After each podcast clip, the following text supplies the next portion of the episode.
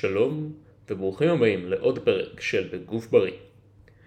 בפרק זה אדבר על עשרה טיפים לבניית גב גדול, מה שידוע שיאפשר לכם את היכולת לעוף, בעצם לפרוס כנפיים, אתם אפילו לא צריכים לשתות רדבול. בואו נתחיל.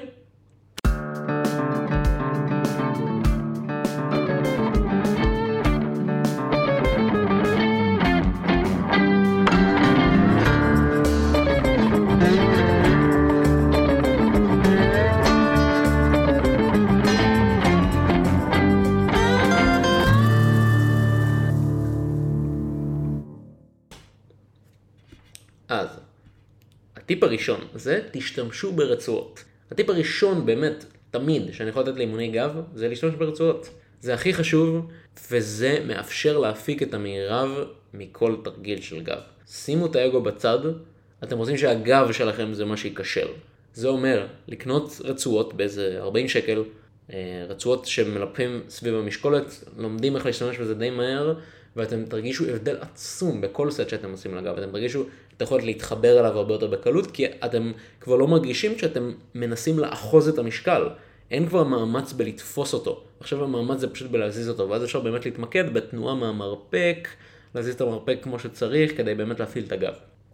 טיפ מספר 2, שהבאתי עליו באלגנטיות, זה תמשכו עם המרפקים.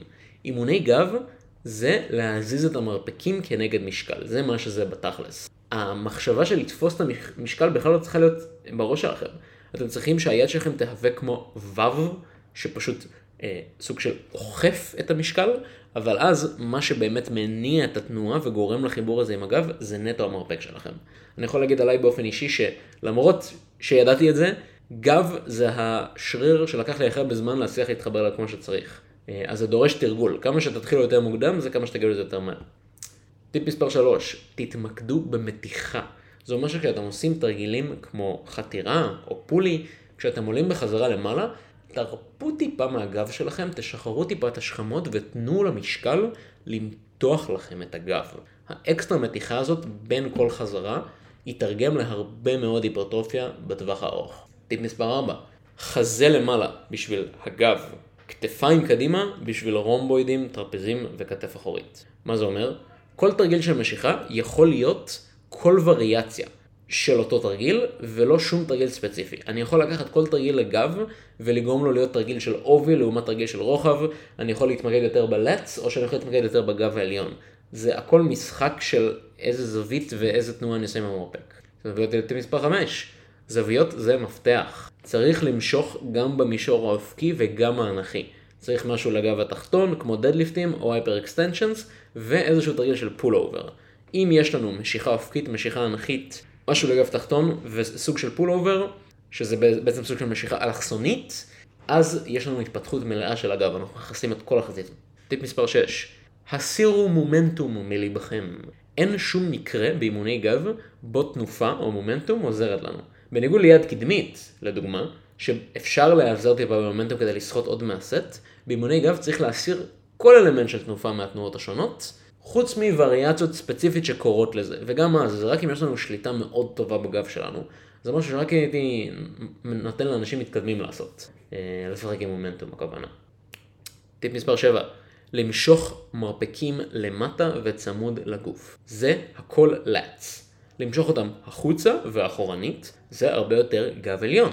אם עושים חתירה עם צמיחה לחזה ורוצים להתמקד יותר בגב עליון, רומבוידים, טרפזים, אפשר לתת לכתפיים פשוט להתגלגל קדימה ולתת מתיחה עמוקה לגב, ואפשר לעשות את זה בכל תרגיל גב כדי לשנות את המהות שלו. אבל שימו לב שאולי אתם כבר עושים את זה בתרגילים האלו שלא במודע. אולי אתם לא עושים את זה כרגע בתרגילים שאתם רוצים לעשות את זה בשביל היעדים שלכם. אם אתם חותרים עם מרפקים צמודים, אתם כנראה מתמקדים יותר בלץ. אם אתם עושים פול uh, דאונים עם מרפקים לבחוץ ונותנים לכתף להתגלגל, להתגלגל קדימה, אתם עושים את זה יותר לגב העליון. אז שימו לב שכשאתם עושים תרגיל אתם מבינים מה אתם מנסים להשיג איתו. טיפ מספר 8, להתמקד במשיכות אנכיות. כל משיכה אנכית צריכה להתבצע כי אתם מתמקדים בלץ. כמובן עם אקסטרה תשומת לב לגב העליון, לא להזניח אותו ולחתור, אבל למשוך את המרפקים למטה בכל חזרה, ואם עושים את זה טוב, אמורים להרגיש טוב מאוד את ההתכווצות של הלץ בתחתית של כל תנועה. זה קיבוץ שקשה לפספס אותו, הוא מרגיש מדהים. מספר 9, במשיכות אופקיות, כלומר חתירות, אנחנו רוצים שהגב העליון הוא יהיה החלק המרכזי ויעבוד הכי קשה שיש. בשביל זה אנחנו רוצים שהמשקל יזיז כמה שיותר, אה, כמה שיותר קדימה, סליחה, בבלתי. אה, אנחנו רוצים שהמשקל אה, בעצם יזוז כמה שיותר קדימה בהשוואה לגוף שאפשר.